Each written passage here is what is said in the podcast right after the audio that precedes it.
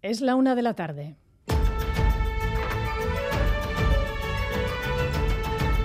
Crónica de Euskadi con Aichiber Bilbao.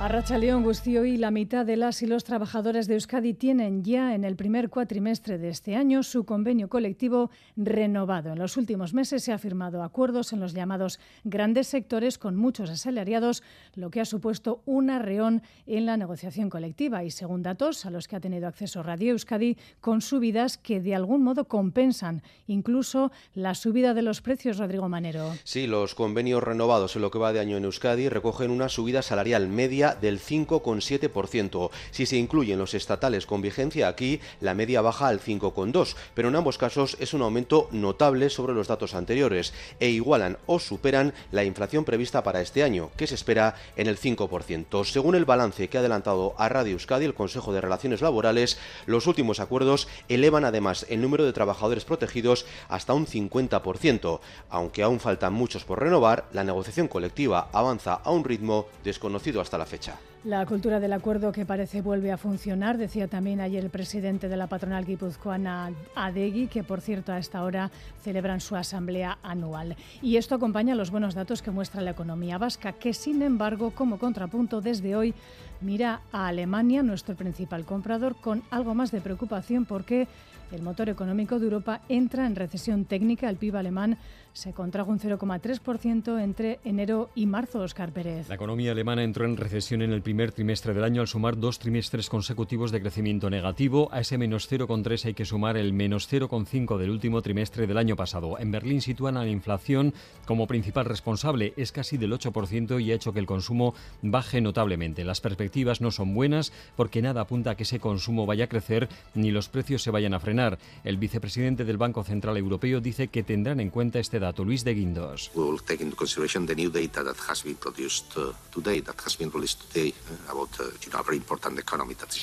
La subida de tipos del Banco Central no anima a pedir créditos ni a los particulares ni empresas, es decir, no impulsa la economía. Veremos si el dato negativo alemán hace que las subidas de tipos se moderen.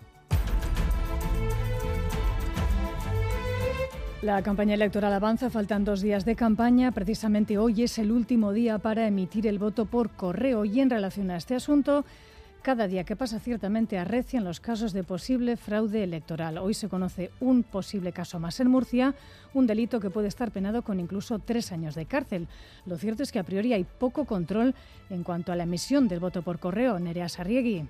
La legislación actual exige que el votante enseñe su DNI al pedir el voto y al recibir el sobre, pero no al depositarlo en la oficina de correos. Esta es la grieta que aprovechan las redes dedicadas a comprar votos. Esta práctica es un delito. La ley recoge penas de prisión de hasta tres años para quien solicite el voto de algún elector. El PP en Melilla, donde hay 10 detenidos amenaza con impugnar los resultados del domingo. En Génova piden calma, pero emplazan a revisar el sistema. Más allá de Melilla y Mojácar, se investigan casos en Murcia, Zamora y Alicante. Y hoy tercera gran movilización en la Archainza, capitaneada una vez más por el colectivo Archañas en Lucha, a la que se ha sumado hoy también la mayoría sindical. Caravana de vehículos. Muchos de ustedes quizá lo hayan padecido, que ha colapsado la entrada, también la circulación en las tres capitales vascas durante buena parte de esta mañana. Nosotros lo único que queremos es un, convenio. La gente también tiene que entender que nosotros no tenemos derecho a huelga y de alguna manera tenemos que hacer valer eh, o reivindicar nuestros derechos laborales. Casi 12 años sin convenio y los sindicatos estaban un poco cada uno para un lado.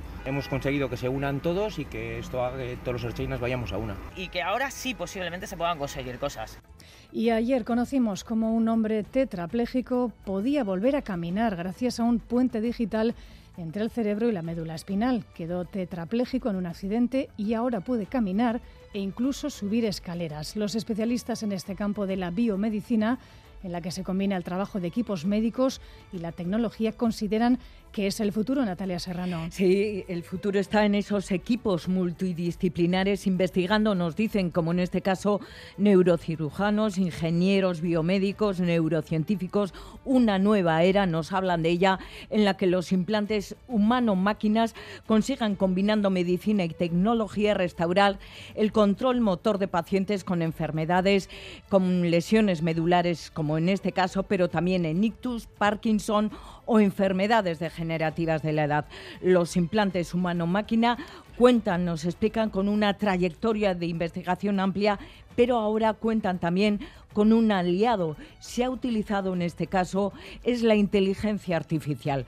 Asier Zubizarreta es coordinador del grado de Ingeniería Biomédica de la UPV esta técnica nos puede permitir hacer de puente, intentando interpretar cómo funciona nuestro cuerpo, que no son más que señales eléctricas y químicas, traducirlas a un entorno digital para luego poder, pues, en este caso en concreto, pues transmitir otra vez esas señales para conseguir el movimiento. Y hoy el mundo de la música llora su muerte.